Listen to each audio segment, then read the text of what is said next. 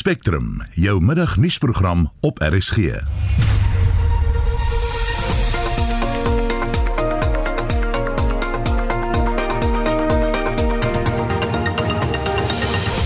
die volgende uur, die werkloosheidssyfer hou aan styg. Erniede kommer dat korrupsie op munisipale vlak dienslewering belemmer. Natuurlik mense aan te kla vir wat hulle doen dissiplinêr verhoor om 'n voorbeeld te maak sodat anders kan weet dat ons dit nie moet doen nie. Die ons kan nie presidentskap deur goed dat verkeerd reg te praat nie. En Suid-Afrika staan bakkant in die buiteland en vra vir nog beleggings. Baie welkom by ons program. Die span vandag is Justin Kennedy, die redakteur, produksieregisseur Johan Pieterse en ek is Marieta.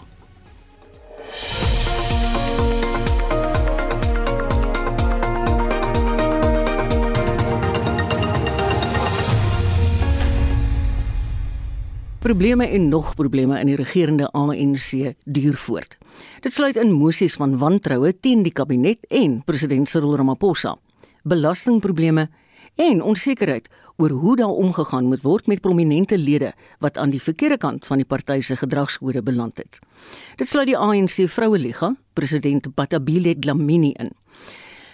Professor Joansi van Wyk, iemand met wie ons in die afgelope tyd baie oor Oekraïne gesels het, maar sy is in 'n ander kapasiteit vandag. Sy is 'n politieke kommentator van Unisa en sy gaan nou haar menings met ons deel. Goeiemôre Joansi. Goeiemôre Marita. Wat is die stand van die ANC op die oomblik? Sonder om nou in detail in te gaan oor die dinge wat ek nou hier geluister het, maar net so oor hoofs. Goed, die mens kan natuurlik nou sê dat die ANC een van sy grootste uitdagings in sy geskiedenis beleef dat die bedreiging kom vanuit die party, nie teen die party nie. Dit sal my kort opsomming wees. Aanvaar jy die party se verduidelikings oor sy belastingprobleme met die inkomste diens? Ek dink um, ons sal natuurlik dit nie weet nie want ons weet dat binne in terme van die inkomste wetgewing um, is dit natuurlik vir ons as buitestanders um, nie moontlik om hierdie dokumentasie te kan sien nie omdat dit 'n privaat aangeleentheid is. Maar mense kan natuurlik dink dat die dat die party as 'n as 'n kom ons noem dit nou maar 'n besigheid is natuurlik inkomste het. Ons het byvoorbeeld gesien in terme van die verkiesingsbefondsingswetgewing dat dit taamlike klomp geld ontvang het um, die afgelope twee kwartale se um, se beriggewing daaroor wat hulle self dan nou bekend gemaak het. Die party het uitgebreide sakebelange en dan weet ons ook dat hulle natuurlik nou personeel ook in stand hou. Ehm um, ledegeld inkomste wil vir my voorkom dat dit nie so groot bron van inkomste is nie, maar dat mense tog verwag dat die die, die regerende party moet die die um, pas aangee in terme van belasting die staat is op soek na inkomste sodat dit kan dan ehm um, verder kan die die belange van Suid-Afrikaners bevorder. En dit is natuurlik ook van die goed wat nou die afgelope naweek dan nou ter tafel is dat die die party het finansiële nood wat dan nou versterk word in terme van die die organisatoriese uitdagings, die dissipline uitdagings wat dit het. En ons weet ook natuurlik nou dat die uiteinde van hierdie besprekings van van die naweek dan nou opbou tot die beleidskonferensie in Julie en dan natuurlik die baie belangrike 55ste kommissie uh, uh, konferensie wat dan in Desember plaasvind. Ja, onsie. Hoekom moet daar nog enigsins 'n bespreking in die nasionale uitvoerende komitee wees oor Batabile Dlamini se posisie nadat sy van myn eet skuldig bevind is? Ja, dit bly vir my 'n groot raaisel en, en dit dit is natuurlik ook oor Dudu Mjeni se posisie. Ek kry die idee dat ehm um, ons sien nou hier dat die party natuurlik nou gekonfronteer word met hofuitsprake dat dit nie self natuurlik dan na kyk na die dissipline binne sy party nie. En ons moet onthou dat hierdie is invloedryke persone met 'n geweldige groot ehm um, um, kan ek dit noem constituency binne die party. Dis mense wat 'n lang geskiedenis in die party het en natuurlik ook hulle eie patronaatnetwerk het wat as jy in een raak dan natuurlik nou uh, aan 'n klop ander ook gaan raak. En ek het 'n vermoede dat die die ehm um, Patabili Glamini en uh, Dudu Mjeni is nou van die eerste uh, mense wat geoffer word ehm um, vir vir hierdie ehm um, veral omdat die hoewe dan nou hieroor uitsprake gegee het en dat die toets nou sal wees is om te kyk hoe die party hierop gereageer. Nou wat ek wel agterkom is dat die party vertragingstegniek taktiek gebruik. Verslae, taakspanne, herorganisering van die dissiplinêre komitees en natuurlik ook die die ehm um, appelkomitee ten opsigte van dissipline uh, vraagstukke. So dit dit koop natuurlik nou tyd vir die individue wat soos wat ons kan vermoed in enige politieke opset dat dan ook agter die skerms kan invloed uitoefen om hulle posisies te behou en te verseker. Het die DA en die ATM se mosies teen die kabinet en Ramaphosa Merite en wat is die kans op sukses dink jy? Ek dink die kans vir sukses as ons daar kan begin gaan is is baie skraal. Dit het natuurlik Merite, maar ons moet onthou dat die die groter ondersteuners um, in die samestelling van die nasionale vergadering is tot so 'n mate dat dit tot die voordeel in terme van die getalle is. Ons weet dat die speaker het natuurlik 'n rol wat hy wat hy kan hier inspel en hierdie besluit uh, kan speel en natuurlik dat ehm um, die die ANC geniet nog wydsteun. Dit hmm. wil ook voorkom asof baie Suid-Afrikaners nie die onderskeid kan tref tussen die staat die regering en die regerende party en daar is baie meer geduld met die ANC daar's minder geduld in die regering. Mm. Ehm mm. um, en en die ANC is baie slim om daai onderskeid in sy narratief en sy bemarking te kan doen is dat die party lewer. Dis nie noodwendig die regering wat lewer nie. Mm. Mm. En ek dink die die vermoë van die ANC om daai verbeelding aan te gryp en om daai onderskeid soort van in stand te hou beteken dat um, Marite sake soos hierdie twee mosies wat nou ter tafel gelê gaan word, mm. um, eintlik maar nie gaan gaan wen nie omdat die politiek buite die parlement is groot van groter invloed. Nou die partye sê hulle gaan volgende maand die staatskapingsverslag bestudeer en bespreek, maar intussen het Solidariteit vanoggend strafklagtes ingedien teen 21 beweerde staatskapers. Waarom vat hierdie saak so lank en hoekom word dit so uitgestel? Weer eens daar is natuurlik baie belange um, ter sprake. En dit dit sny baie nou aan die been wat wat die ANC betref. En ek dink weer eens dat hierdie vertragingstaktiek wat ons gesien het natuurlik deel is van hierdie van die proses die hele verwysing na interne konsultasie interne taakspanne um, dat die takke moet betrokke raak by die mm. die pad vorentoe is is natuurlik ook een van die goed wat die naweek uitgekom het is dat die party moet sy interne demokrasie versterk nou net net een van die syfers wat uitgekom het uit die naweek se vergaderings was dat daar 770 dispute was oor die verkiesingsdispute van van van verlede um, jaar en daai jaar daarvoor. So um, dit is 'n party wat sukkel met met al die belange te balanseer, sterk individue met sterk belange. En ek dink een van die taktieke wat natuurlik nou tot baie voordeel is, is dat die die sondekommissie ehm um, is 'n is 'n kritiese spiegel wat opgehou is en dank Vader ons het 'n aktiewe burgerlike samelewing ja. wat hierdie goed kan kan ehm um, in die lig bring. Maar dit maak dan ook die die blootlegging van van die interne politiek van die ANC natuurlik soveel duideliker. So dit is 'n risiko in plaas van dat die partye dit dan op so 'n manier ehm um, bestuur en en en volguys om dit so uit uitdruk kies en sê maar goed ons ons het ten minste simboliese optrede in reaksie op hierdie kommissie se verslag maar dat daar ten minste gesien word dat daar opgetree word want dit is heeltemal teenstrydig met die boodskap wat uh, president Ramaphosa by die verkiesing ag by die beleggingskonferensie gesê het mm. wat hy nou weer in in Dubai gesê ja, het ja, ja. en en iewers sou mense hierde dan moet optrede wees en een manier om te doen is ten minste om te begin met simboliese optrede en dan natuurlik ehm um, dat mense begin aantree vir die guillotine. Ja, daai guillotine dink ek wag ons al lankal voor. Baie baie dankie vir jou tyd, professor Joansi van Wyk is 'n politieke ontleder van Unisa. Die VF+ is van voorneme om môre ten gunste van die DA se mosie van wantroue teen die kabinet te stem. Die party se hoofsweep, Dr. Corneil Mulder, beskryf die kabinet as en ek haal aan werklik hopeloos. Mulder het aan Heinrich Weingart gesê uiteindelik is die enigste uitweg om by die stembus van die ANC ontslae te raak. Meer as 26% van alle ANC parlementslede is of 'n minister of 'n adjunkminister, meer as een uit elke 4.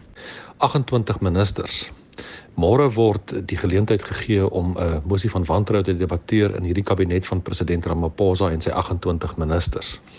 Die Vryheidsfront Plus sal beslis hierdie mosie ondersteun en ten gunste daarvan stem. Ek dink nie daar's enige twyfel by Suid-Afrikaanse burgers en jy kan maar deur die hele spektrum gaan en alle gemeenskappe gaan vra. Ek dink daar is konsensus onder die publiek daar buitekant dat hierdie 'n werklike hopelose kabinet is.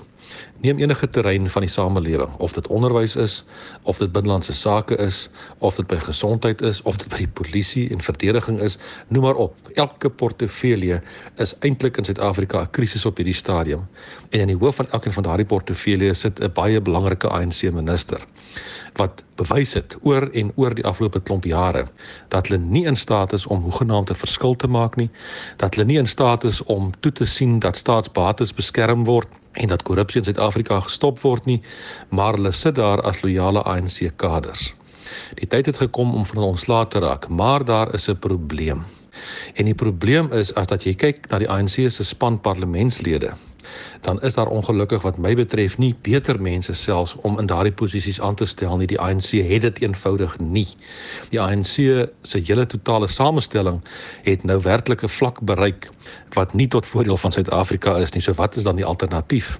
Daar's net een antwoord. Die antwoord is om van die ANC regering ontslae te raak oor 2 jaar by die stembus en dan 'n koalisieregering saam te stel van ordentlike topmense wat hierdie posisies kan beklee en 'n werklike verskil maak in Suid-Afrika in belang van al sy mense. So sê Dr. Corneil Mulder, hoofsweep van die VF+ en hy het met Heinrich Weingart gepraat. Die DA is vasbeslote om môre in die nasionale vergadering sy mosie van wantroue teen die kabinet, maar nie president Cyril Ramaphosa nie, te laat slaag.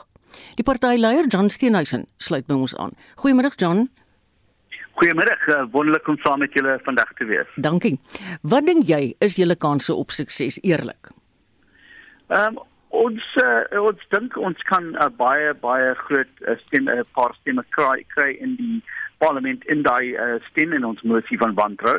Maar die saak is dat as ons verloor of as ons wen, ons het hierdie uh, ons het hierdie uh, feit dat ons het 'n kabinet verwerk nie tot Afrika baie duidelik op die tafel nou gesit. Ons het 'n kabinet wat te groot is, wat te korrup is, wat eh, wat nie eers hulle werk kan doen nie en dit eh, dit eh, het rampspoedige gevolge vir Suid-Afrikaners elke dag en die feit dat ons dit ministers begin nie om vir die mense van Suid-Afrika gebruik elkeen van die geleenthede in hulle departemente om hulself ryk te maak of lede van die ANC ryk te maak.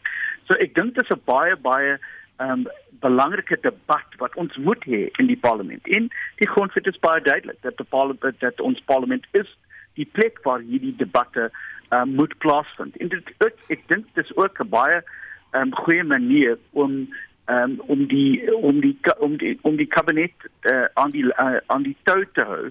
Uh, om seker te maak dat ons kan 'n 'n debat hê oor wat hulle doen en die skade wat hulle doen in Suid-Afrika.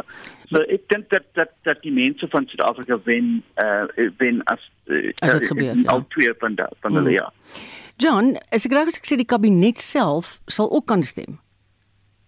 Ja, en dis 'n 'n probleem wat ons het met die uh speaker ons het alreeds met haar 'n uh, brief gestuur het waar ons maak dit baie baie duidelik dat elke minister het 'n groot konflik van belange want hulle uh, salaris, die voordele wat ja. hulle het as ministers is op die lyn. Mm. En dit is baie onregverdig dat hulle kan nou eers stem oor hulle eie toekoms. Mm. Uh, en dit is nie ons fout nie dat meneer uh, Ramaphosa se kabinet so groot is. Ons het een van die grootste kabinette in die wêreld, maar een van die luiste kabinette ook in die wêreld.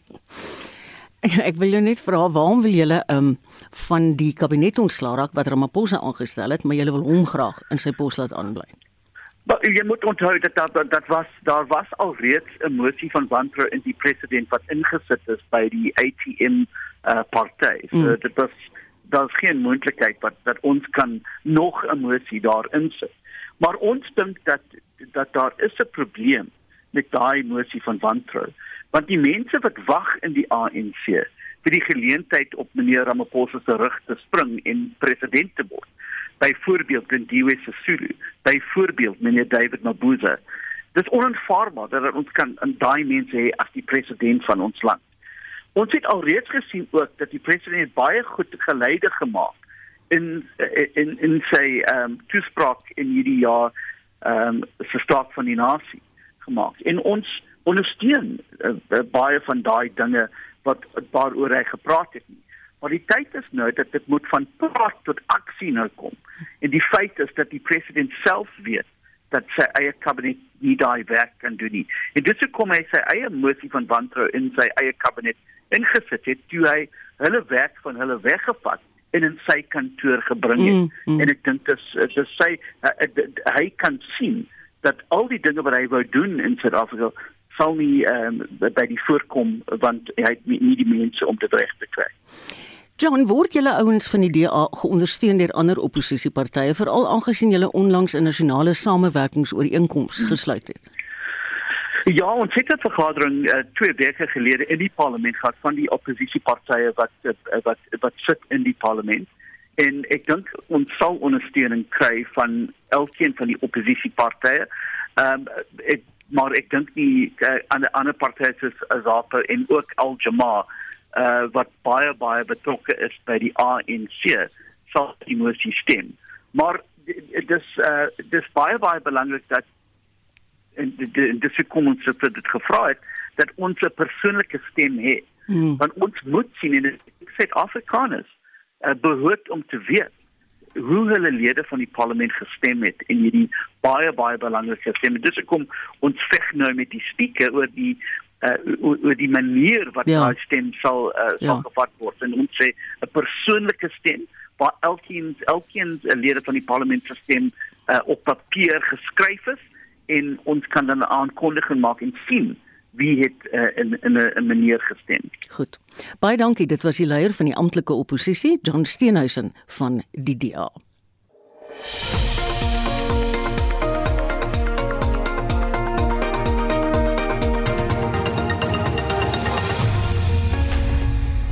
is ingeskakel op RC. Jy luister na die program Spectrum en dit is nou 12:22.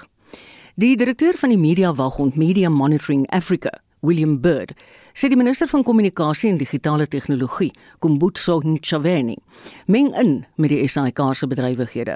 Sy dreig om finansiële hulp vir die SAIK se omkeerstrategie te weerhou. Dit na die SAIK gesê het dat hulle inkomste verloor weens die beplande afskakeling van alle analoog senders aan die einde van die maand om na digitale televisie te migreer. En ons praat nou daaroor met William Bird. Hallo William. Hallo, good day. Thanks for having me on the program. Ek is baie bly jy kan met ons gesels. Jy, jy sê jy het julle regsverteenwoordigers geraadpleeg op grond van die minister se dreigemente dat die regering sy finansiële hulp aan die SAIK kan weerhou. Ja, look uh uh, uh, you know, would someone would just uh, take a minister aside and just uh, offer a cup of, of, of tea and, and ask her to take a deep breath and and, and, and calm down on, in relation to the response that she's had it, on the SABC's, um, you know, the, the media statement. It's clearly, you know, driven by anger, and unfortunately, it looks like uh, an effort to interfere in the independence of the SABC, and for that reason, it's completely unacceptable. You know, for a minister to be taking that position is just profoundly unfortunate, especially when the court has ruled that they need to delay for at least three months. Hopefully, this gives everyone a bit of breathing room. Uh, it's a time now for them to come together, to work together. But unfortunately, this sort of these kinds of threats of saying, well, you know, we're going to report you to Parliament. And she was in Parliament making these kinds of allegations just a, a couple of hours ago. You know, that just, never mind not helping, it, it actively undermines, you know, what, what it is that she should be seized with. She should be seized with ensuring that people have set up boxes installed in their homes. She should not be seized with trying to punish the SABC for exercising its independence. Is dit moontlik dat die SAIK inkomste kan verloor weens die oorskakeling van analoog na digitale televisie? Die minister sê dit snert.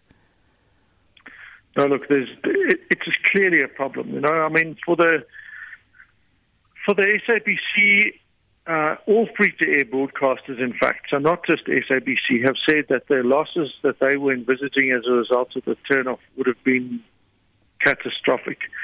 So you've got SABC in a position where they don't have any other choice but to say, so let's imagine a scenario where they said, okay, we're not going to uh, disagree and we're going to just go with whatever you know happens and, and allow the minister to determine it.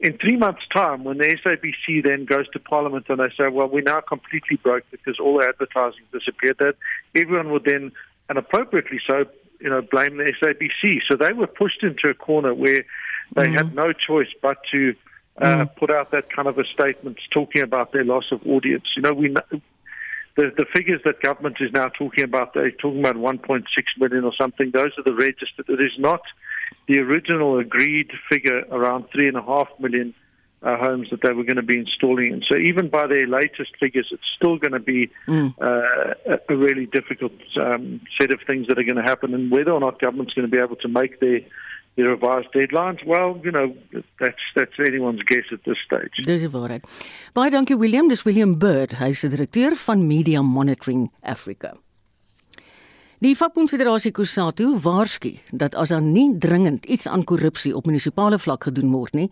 veral kleiner dorpe sal vergaan Kusatu sê die tipe korrupsie wat dienslewering in die wiele ry lei ook tot werksverliese Dit kan gesien word byvoorbeeld in Lichtenburg nadat Clover sy deure daar gesluit het. Kusatu se parlementêre woordvoerder, Matthew Sparks, waarsku dat die ANC sy huis in orde moet kry. So um, the warning is basically just saying that local government, especially in rural areas where unemployment is very high, where poverty is very high, it's collapsing. I think we've seen many instances where it's collapsed right under our noses. We've seen the case of Clover, closing shop in Luxembourg in the northwest, and that's basically the largest employer in that town. And it's not just a question of, for example, those 600 jobs at Clover itself, but the whole value chain of agriculture, of transport, and all the other companies which depend upon it for business. We've seen similarly in Frankfurt in the Free State, again, Clover wanting to close. And many companies are basically citing that because the municipality doesn't provide decent paved roads, doesn't provide water and sanitation, electricity, it's impossible for those companies to operate. And this means for workers that their jobs are lost. And in those towns, there is no other economic opportunities. We've seen in the budget, you know, government putting huge amounts of money. And in fact, in the budget, they've increased the amount of money given to the government over the next three years mm. by about 8%. But we're not seeing the practical interventions to stop the corruption and the wasteful expenditure, to make sure we appoint competent managers to deliver roads, water, sanitation, electricity, etc. And if we don't do anything, it's going to get worse. Um, in 2013, about 86 out of about 259 municipalities, so about a quarter were in financial distress. Mm. In 2019, that had jumped to about 176, about two thirds. It's now at about 90% of our municipalities are in serious crisis. Government's been talking about a new district development model, but we're not moving, and that's the problem with government. It just talks and doesn't move. And in the meantime, things are falling apart, and there's real consequences for people on the ground. Dit was Matthew Sparks, die parlementêre woordvoerder van Kusatu. En ons bly by hierdie einste tema. Vandag se tema by die KAKNK diskurs gespreksreeks was hoe red jy 'n dorp? Almeer word gesien dat gemeenskappe hulle politieke verskille agterweë laat en self begin inspring om dienslewering te verbeter. Een van die deelnemers aan die gesprek was die burgemeester van Oudtshoorn, Chad Lou. En hy het aan Jody Hendriks gesê, die uitwissing van korrupsie is die sleutel tot groei in 'n dorp. Ja, nee, natuurlijk is het baie belangrik dat mensen verantwoordelijkheid moet vat voor hulle dade en dit wat hulle doen. Natuurlijk is het ook een hands-on approach van onze kant af om te verzekeren dat het niet gebeurt en om te kijken wat we kan doen om dit ook te slaan of om dit te bevechten. Natuurlijk is het ook, zoals ik nog genoemd, die hands-on approach om actually te kunnen zien maar wat doen ons die dag.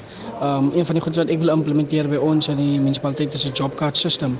Wat dus kan trekken met wat je gaat doen van 8 tot 4, uh, waar je gewerkt, wat de site was je, wat doen de administratie van 8 tot 4 en dat ons daardie jobcard system moet doen sodat ons kan trek met wat mense doen. Ek dink dit gaan ons ook uh, dan kan die geleentheid bied om te kan sien maar wanneer daar iets gebeur met korrupsie dat iemand actually gelieg het op sy jobkaart want dan is hy was mos besig met iets anders.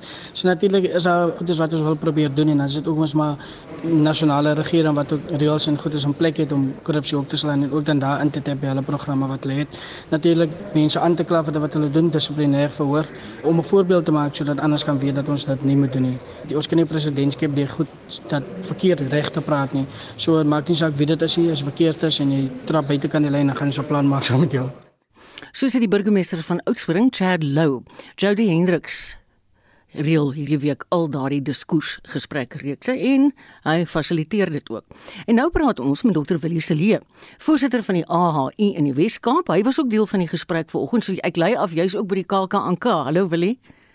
Hallo Marita, ja nee, ek sit hier binne kan die feesterrein by die KAKNK en jy kan sien daar's 'n lus vir die feesgangers om hier te wees. Uh dit gaan sommer lekker hier so ja.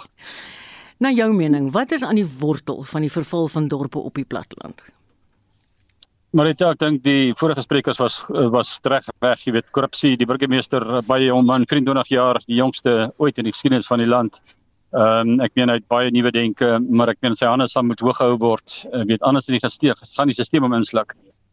Maar aan die ander kant is is oneffektiewe ongekwalifiseerde mense in poste om hierdie dienste te kan lewer. Uh, en natuurlik uh, jy weet uh, hierdie kader employing, jy weet mense wat nie geskik is vir hulle werk nie. En dan die aanvaarding van probleme. Ek meen mense aanvaar nie verantwoordelikheid vir probleme nie. Mm. En uh, moet tot orde geroep word om hierdie situasie uit te sorteer. Jy weet ek was 2 uh, weke terug daar in my tuisdorp. Ek gaan nie die dorp se naam noem nie maar dis dis dis nou in Frankfurt wat nou genoem is in die vorige onderhoud. Ek meen ek het daar groot geword skool gevan. Dis is skokkend om te sien hoe lyk daai dorp. Dit was eens 'n trotse dorp, 'n trotse hoofkantoor van 'n groot suiwelmaatskappy. Nou is daar niks oor nie. En ons staan net en skouers optrek en sê maar, wie se verantwoordelik is dit nou eintlik nou?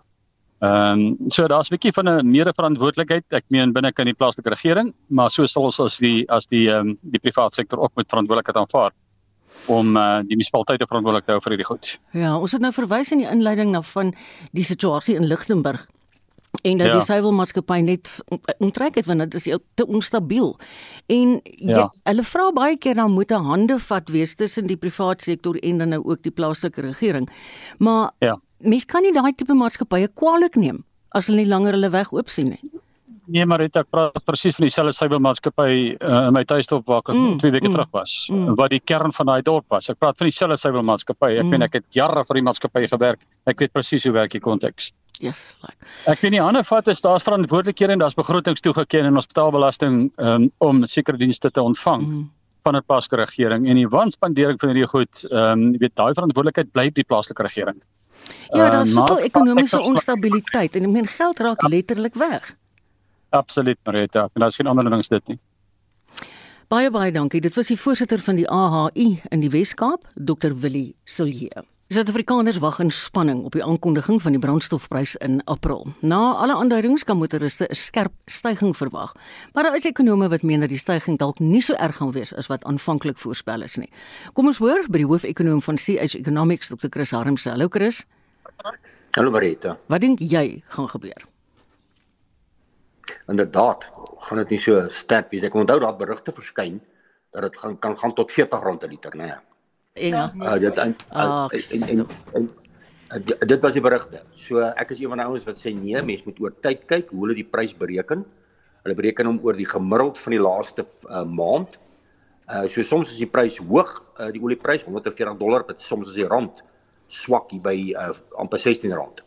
Maar as jy net kyk op die gemiddeld, lyk dit vir my die skade is so 100 R92 vir petrol en so R2.99. Dis die 1 na 1 vir diesel. Hmm. Nou dit nou dit nou dit is veel hoër laer as wat aanvanklik verwag is. Aanvanklik is verwag dat diesel kan hier by die R4 styg en petrol hier by die R3. Maar die laaste tyd het ons gesien dat die die rand het redelik verstewig ver onder die R15 en dat die olie het nou beweeg daarna rigting so omtrent 113 dollar. So op 'n op 'n gemiddeld van 14.56 nee gemiddeld, ekskuus, op die prys van 14.56 Vrydag en ook 'n olieprys wat hier by 112 113 dollar was, lyk dit vir my R1.91 vir petrol en R3 vir diesel.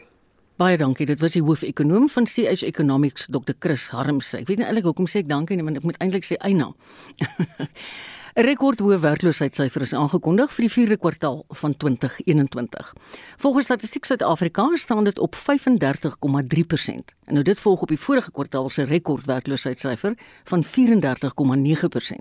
Vir sy mening hieroor praat ons nou met die hoofekonoom by economists.co.za, Mike Schuessler. Hallo Mike.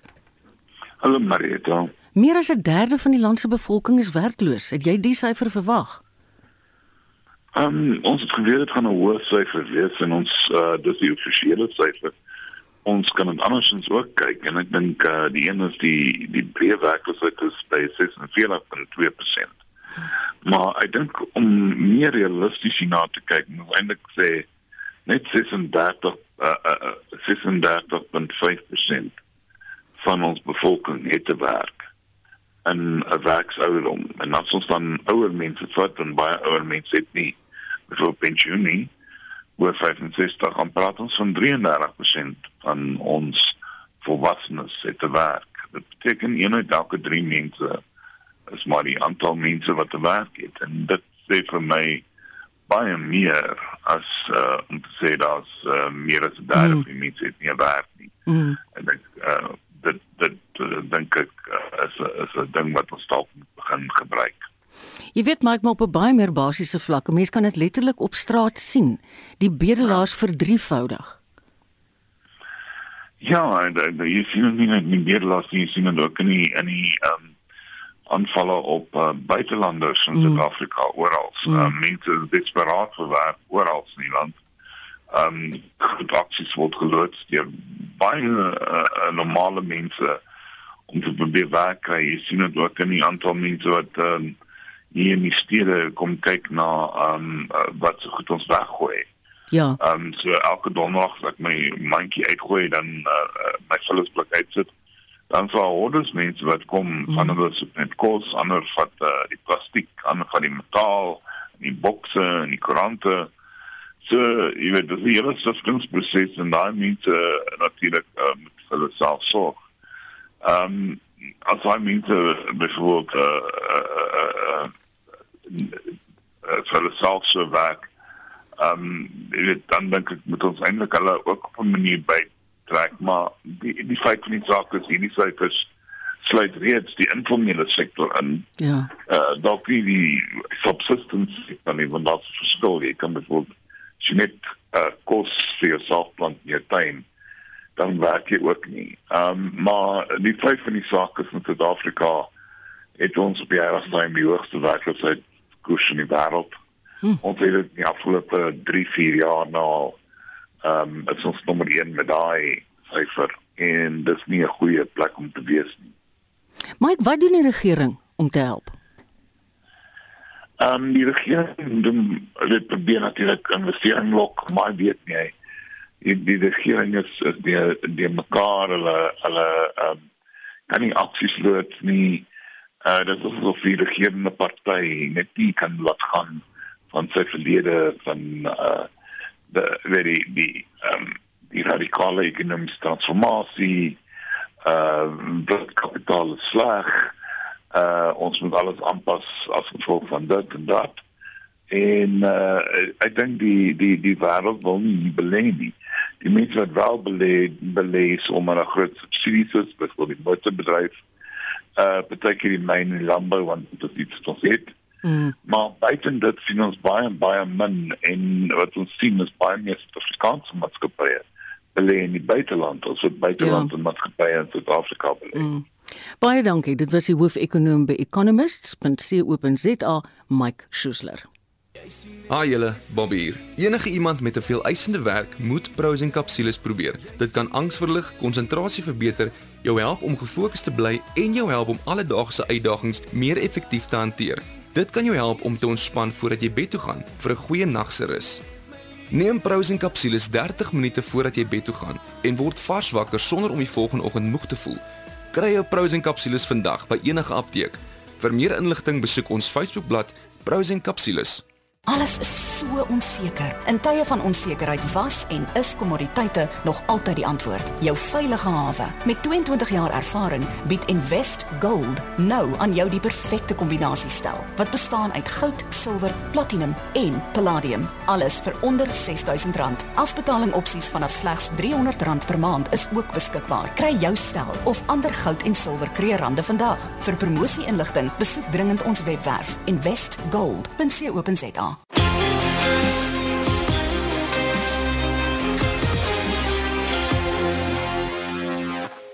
18 minute voor 1. Suid-Afrika se nasionale vroue kriketspan se prestasie by die Wêreldbeker toernooi in Nieu-Seeland maak opslaa en laat Suid-Afrikaners se harte warm klop.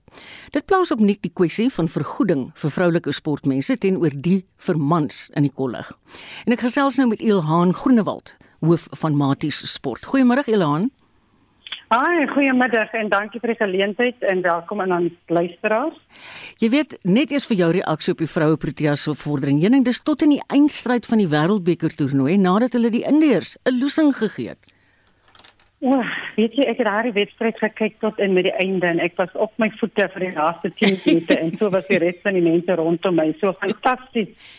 Ehm um, en ons ons is so trots op die op 'n momentum uh, vroue kriketspan. Ek dink ehm um, dit is wat ons nodig het in vroue sport in Suid-Afrika om te bewys dat ons kan dit doen. Mm. Mm. Dit is moontlik, jy weet, uh, en uh, uh, daar was 'n tyd in in vroue sport wat ons gedink het hierdie tipe prestasies is nie moontlik nie. So ek wil vir Hilton en ons span sê veel geluk.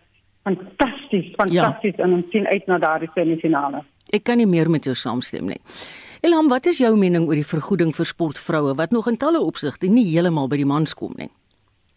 Dit is baie ver van die mans. Ek dink die die eerste um, uitdaging wat ons het in Suid-Afrika is dat daar is nie deursigtigheid nie. Ja. Uh en wanneer ek praat van deursigtigheid, daar word besoort tot aankondigings gemaak dat ons bied nou kontrakte aan vir vroue en wanneer persone soos ek die geleentheid het om individueel met die vroue te praat, dan is dit ver van wat mans verdien. En dan moet ons besef dat die omgewing vir 'n vrou is is definitief heeltemal anders. So ons praat van 'n uh, uh, uh, billikheid uh, om gelykheid uh, om gelykheid te kry. Dit is belangrik. Dan moet eers ons moet eers billik wees in ons benadering. Dit beteken ons moet verstaan hoekom 'n vrou byvoorbeeld 'n uh, 'n uh, 'n uh, bietjie nader moet geskuif word aan die aan die inkomste wat wat mans verdien. Mm. Want ons kan nie gelykheid kry indien daar nie uh, billikheid is nie. En hierdie is hierdie tipe gesprekke wat nie deursigtig is nie. Um, ja. ek dink ook daar's baie redes vir dit. Um, wat gebruik word as hoekom uh, vroue nie uh uh meer uh, uh billik moet moet hanteer word nie. Die die die die die redenasies rondom inkomste generering ehm um, daar word byvoorbeeld genoeg gegenereer vir vroue nie dit word gekoppel aan media maar die wêreld het verander ons het digitale platforms wat ons nou daardie um, oë kan kry ons weet uh, stadiums met die impak van covid het baie verander so ons moet kyk na nuwe meer ja. uh, innoverende mm. maniere om vroue daardie billikheid te gee ons mm. kyk na prestasies soos um, ons sokkerspan Banyana ehm um, nou ons moment ons momentum pro, protea span uh, uh, uh, golf ehm um, die die die die, die, die, die uh, ons is daar wat die prestasies betref en dan ek dink die groot uitdaging is ons verteenwoordiging waar besluitneme moet plaasvind ons is nie daar by die tafel wanneer daar met gepraat word oor vroue sport en wat dit beteken vir ons om beter opsies te kry beter geleenthede te kry nie Dit was Ilham Groenewald. Baie dankie Ilham. Sy is die hoof van Maties Sport. Verskille tussen die ANC se tydelike provinsiale komitee Noordwes en die party se provinsiale lyskomitee is besig om 'n kookpunt te bereik. Die tydelike komitee sê hy het besluit om die provinsiale lyskomitee te ontbind. Die voorsitter en adjunk voorsitter sal ook dissiplinêr verhoor word. Hulle word daarvan beskuldig dat hulle die ANC in oneer gebring het. Estie de Klerk doen verslag. Die ANC se provinsiale lyskomitee is saamgestel om dispute te hanteer wat ontstaan het uit die ANC se nominasielyste vir November se plaaslike regeringsverkiesing. In Noordwes het die komitee verskeie klagte in 'n aantal munisipaliteite ondersoek. Altesaam 155 raadslede wat op die nominasielys was, is geïdentifiseer, maar die raadslede is nooit deur hulle onderskeie gemeenskappe genomineer nie. Die komitee het bevind dat sommige tydelike provinsiale komiteelede by manipulasie van die lyste betrokke was en dat raadslede wat nie deur hulle gemeenskappe verkies is nie, moet bedank. Maar die besluit word nie deur almal verwelkom nie, soos wat die komitee se koördineerder, Thlomani Chauke, verduidelik. The PLC of the Northwest we know that uh, they've gone rogue issuing out letters doing all of these things that are uh, supposed to be done internally the ANC internal processes that we all know. The IPC has come to a conclusion that the structure must be disbanded and uh, Comrade Lona and Comrade Joe Boweni, we must charge them for putting the party into disrepute. We have already sent them letters.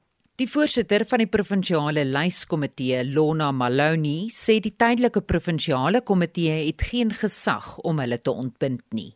I want to confirm the letters that I received from uh, the IPC coordinator, but those letters they don't hold any authority in the PLC to disband the PLC. We are the structure that is accountable to the electoral committee, which is chaired by Comrade Khalim. So we account directly you know, to that committee. So for them to say we are disbanded, I don't know where do they get that. Dit was die voorsitter van die provinsiale lyskomitee Noordwes, Lona Maloney. Ek is Estie de Klerk vir SAK nuus. En nou gesels ek met die politieke ontleder verbonde aan die Noordwes Besigheidsskool, professor Andreu Dievenage oor dieselfde saak. Goeiemôre Andreu. Middag Marieta. In 'n netedop, wat gaan aan in die ANC in Noordwes? Wel Marieta, dis nou 'n paar jaar van relatiewe chaos waar die ANC nie by magte is om 'n provinsiale uitvoerende komitee te kon saamstel nie, waar dele van die provinsiale regering onder administrasie is en waar die grootste getal plaaslike regerings in terme van artikel 139 van die grondwet onder administrasie geplaas is. So in kort, die ANC is in krisis, die provinsiale regering is in krisis en op hierdie stadium moet hulle beplan vir 'n provinsiale uitvoerende komitee verkiesing wat moet plaasvind voor die einde van Junie. En daar is ten minste 4 kandidate wat reeds hande opgesteek het vir die leierskap in die provinsie. Dit sluit nou in onder meer Colin Chauki, die huidige leier van die interim provinsiale mm. komitee wat die plek neem van die PK. Dit sluit die huidige premier in. Dit sluit uh, meneer Supramoamo Pelo in en dit sluit ook meneer Nono Moloyen. En die beeld wat ek hier kry is dat meneer Colin Chauki nie oor baie steun op die voetsoolvlak beskik nie en dat hy eintlik sy magsbasis in die interim provinsiale komitee misbruik om die nominasieprosesse vir leierskap uh, uit te stel te ontwrig te ondermyn iets in daardie lyn. Maar Andre, hoe op aarde kan Supra Maumopelo op die lys wees? Ja, kyk, hy is nie op die lys nie. Wat hier plaasvind is uh uh afdelings. Kom ons noem dit nou maar distrikte, takke mm. en distrikte nomineer kandidaate. En jy ja. moet bepaalde nominasies ontvang en dan op grond van die nominasies word 'n kortlys saamgestel en dan by die provinsiale uitvoerende komitee verkiesing word daar gestem onder hierdie kandidaate. Nou my inligting op die oomblik is dat die kandidaat wat by verre die mees populêre in Noordwes is, is meneer Nono Moloi. Maar ons weet dat meneer Supramo Mopelo bepaalde steun het veral van die sogenaamde RET-faksie mm. binne die ANC in die provinsie. En daar kan verwag word dat hy ook nominasies kan kry. Maar op die oomblik is dit die vier name wat genoem word wat ek opsom is dat meneer Nono Moloi by verre die gunsteling is. Ek dink die huidige premier sukkel ook Bushimapi sukkel ook 'n bietjie om op die voetsool vlak uh, steun te mobiliseer en so ook meneer Colin Chauki. En wat ook interessant is is dat Nono Moloi koppel baie direk na die uh, Cyril Ramaphosa groep via Paul Mashatile? En dit maak Noordwes provinsie uh, redelik uh, gunstig om in die Cyril Ramaphosa kamp te val in terme van die opbou na die uh, nasionale verkiesing wat geskeduleer is vir einde van die jaar. Andre baie dankie. Ons sal beslis in die toekoms oor hierdie onderwerp weer en weer met jou gesels. Dis die politieke ontleder verbonde aan die Noordwes Besigheidsskool professor Andre Dievenage. 9 minute voor 1. Die sake nuus word aangebied deur Renier van Sail, portefeuljebestuurder by Efficient Private Clients. Goeiemôre Marita en goeiemôre aan almal wat inluister. Hallo. As ons vandag hallo Marita. Jy kom maar aan, dankie Renier. O, kan jy my hoor? Ja, ja, ja. Okay, as ons wegspring met die plaaslike mark en ons kyk na die alle aandele indeks, sien ons dat ons mark lekker sterk is vandag. Hy's op met so 'n persentasiepunt vir die dag. Hy word hoofsaaklik hoorgetrek deur ons banke wat op is met 1.9% en ons hulpbronne is basies plat vir die dag. As ons kyk na die grootste wenners is uh, Barloworld op met so 4.9% en Sokosan is op met 4.3%. Nou as kyk na die grootste verloders, is Telkom laer met 3.2% en British American Tobacco, die tabakmaatskappy, is laer met 2.6%. As ons kyk wat die rand gedoen het van vanoggend se vlakke, het hy so klein bietjie versterk. Hy staan teen 14.62 teen die dollar, 19.17 teen die pond en dan 16.17 teen die euro. As ons kyk na ons kommoditeite, die prys van goud het 2% verswak. Hy staan op 1914 dollars per fyn ons en die prys van Brent olie is basies onveranderd op 114 dollars 71 per vatjie Brent. Nou die Amerikaanse markte het gisteraand in die positiewe terrein gesluit en die meeste markte in Europa is ook baie gelukkig vandag en dit is my storie vir vandag. Baie dankie, dit was Renier van Sail, portefeuljebestuurder by Efficient Private Clients.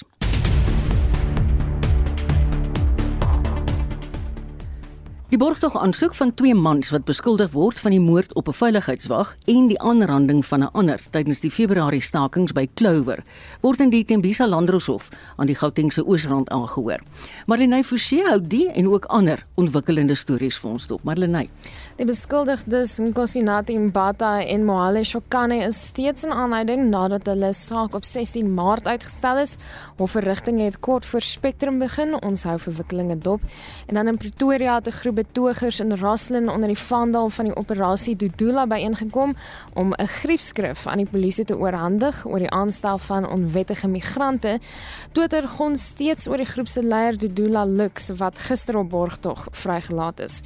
Die DA is intussen vasbeslote om môre in die nasionale vergadering sy mosie van wantroue teen die kabinet, maar nie president Cyril Ramaphosa nie, te slaag. Die partyleier, John Steenhuisen.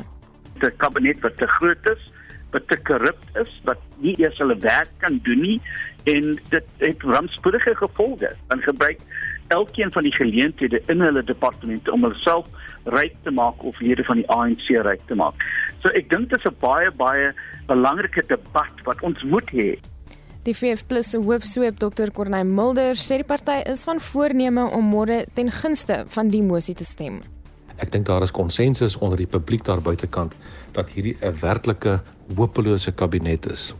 Neem enige terrein van die samelewing, of dit onderwys is, of dit binnelandse sake is, of dit by gesondheid is, of dit by die polisie en verdediging is, noem maar op. Elke portefeulje is eintlik in Suid-Afrika 'n krisis op hierdie stadium. Ons bly in die parlement die vakbond Federasie Kusatu se parlementêre woordvoerder Matthews Parks sê indien daar nie dringend iets aan korrupsie op munisipale vlak gedoen word nie, veral kleiner dorpe en stede sal vergaan. It's collapsing. I think we've seen many instances where it's collapsed right under our noses. We've seen the case of Clover closing shop in Luxembourg in the northwest, and that's basically the largest employer in that town. 'n Rekordhoë werkloosheidssyfer is om 12 aangekondig vir die 4de kwartaal van 2021. Volgens Statistieke SA staan dit op 35,3%. Die hoofekonoom by economist.co.za, Mike Schuster. Die feit van die saak is met Suid-Afrika het ons op die hoogste werkloosheid koers in die wêreld. Die afgelope 3-4 jaar nou is ons nommer 1 met daai syfer en dis nie 'n goeie plek om te wees. Die jongste toerisme en migrasie syfers is ook pas bekend gemaak. Monitor het môre meer daaroor. Ook op Monitor se spyskaart die Delta Kron COVID-19 variant versprei veral in Europa en aantuigings teen randwater in Gauteng oor swak kommunikasie met die publiek en gebrekkige onderhoud is onder die soeklig. Dankie, dit was Marlenae Forsie wat vir ons vandag se stories en ook die wat aan die ontwikkel is opgesom het. En daarmee kom vandag se uitsending van Spectrum tot 'n einde. Hoop jy die afgelope uur saam met ons geniet met so 'n vinnige op datum bring van die nuus van die dag. Ek groet namens ons uitvoerende regisseur Nicoline de Wee. Vandag se redakteur was Justin Kennedy, produksie se regisseur was Johan Pieterse. Ek is Marieta, ek groet tot later. Geniet jou middag saam met RSG.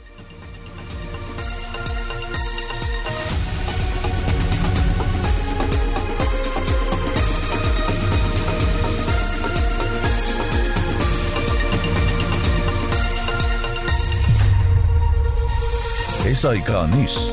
Onafhanklik, onpartydig.